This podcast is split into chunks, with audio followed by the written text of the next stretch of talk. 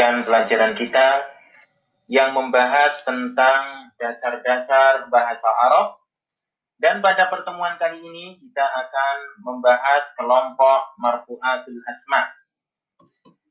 Baik, sebelumnya kita telah membahas beberapa kelompok dari marfu'atul asma. Perlu kami ingatkan, kita telah membahas tentang fa'il, kemudian naibul fa'il, selanjutnya membahas mubtada dan khabar.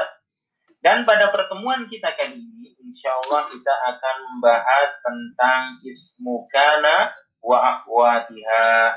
Kita akan membahas isim kana dan saudari-saudarinya. Baik, kana dan saudari-saudarinya merupakan fiil-fiil yang masuk pada susunan mubtada dan khabar sehingga merofakkan mubtada dan menasobkan khabar. Baik, pada intinya bahwasanya kalau kita memahami mubtada dan khabar, maka insya Allah pada marfu'atul asma ini, yaitu tentang isim kana dan saudari-saudarinya, insya Allah kita akan dapat memahaminya dengan mudah. Intinya bahwasanya nanti ada susunan mubtada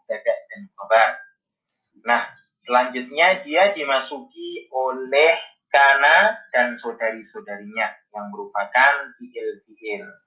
Kemudian, mubtada dan khobar tadi dia berubah karena adanya Kana dan saudari-saudarinya. Baik. Nah, mubtada yang telah dirofakkan oleh Kana dan saudari-saudarinya dikenal dengan isim Kana.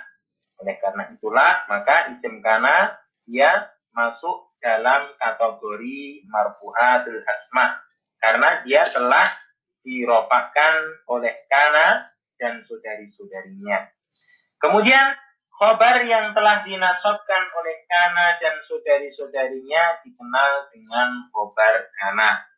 Jadi khobarnya sudah berubah menjadi khobar kana yang yaitu nanti mansub.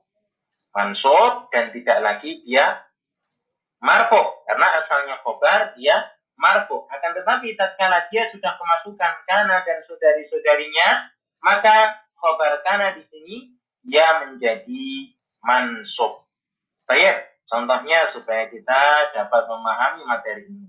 Kita perhatikan contohnya misalnya Allahu alimun kita perhatikan susunan kalimat ini yaitu Allahu alimun Allah Maha mengetahui. Kita perhatikan di sana ada isim marfu yang terletak di awal kalimat yaitu lafzul jalalah Allah. Kemudian ada isim marfu yang kedua yaitu alimun. Maka kita tahu bahwasanya susunan ini merupakan susunan mubtada dan khabar. Lafzul jalalah Allah sebagai mubtada, kemudian alimun dia sebagai khobar. Baik. Kemudian tadi dikatakan dia dapat dimasuki oleh kana dan saudari-saudarinya sehingga nanti berubah i'rabnya. Kita perhatikan tatkala dia kemasukan kana.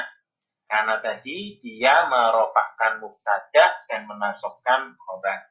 Sehingga susunan mubtada dan khobar tadi berubah menjadi kanallahu aliman. Kita perhatikan.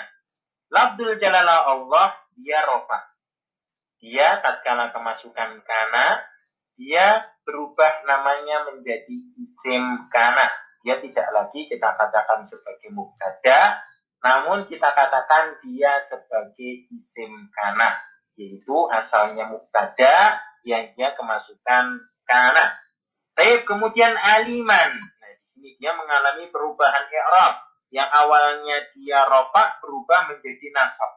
Manakala apa? Manakala kemasukan kana. Sehingga aliman di sini dia adalah sebagai khobar kana. Saya kira dapat dipahami. Sehingga menjadi kanallahu aliman. Dan tidak kita baca kanallahu alimun sudah berubah.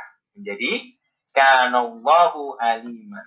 Sekali lagi, Lafzul jalalah Allah dia sebagai isim kana aliman dia sebagai khobar kana. Baik.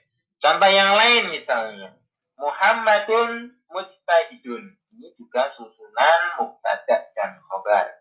Saya misalnya kita masuki dengan kana, maka dia berubah menjadi kana Muhammadun mujtahidan. Kita perhatikan, Muhammad dia adalah isim kana yang dia marfu, kemudian mujtahidan dia khobar kana yang dia adalah mansub.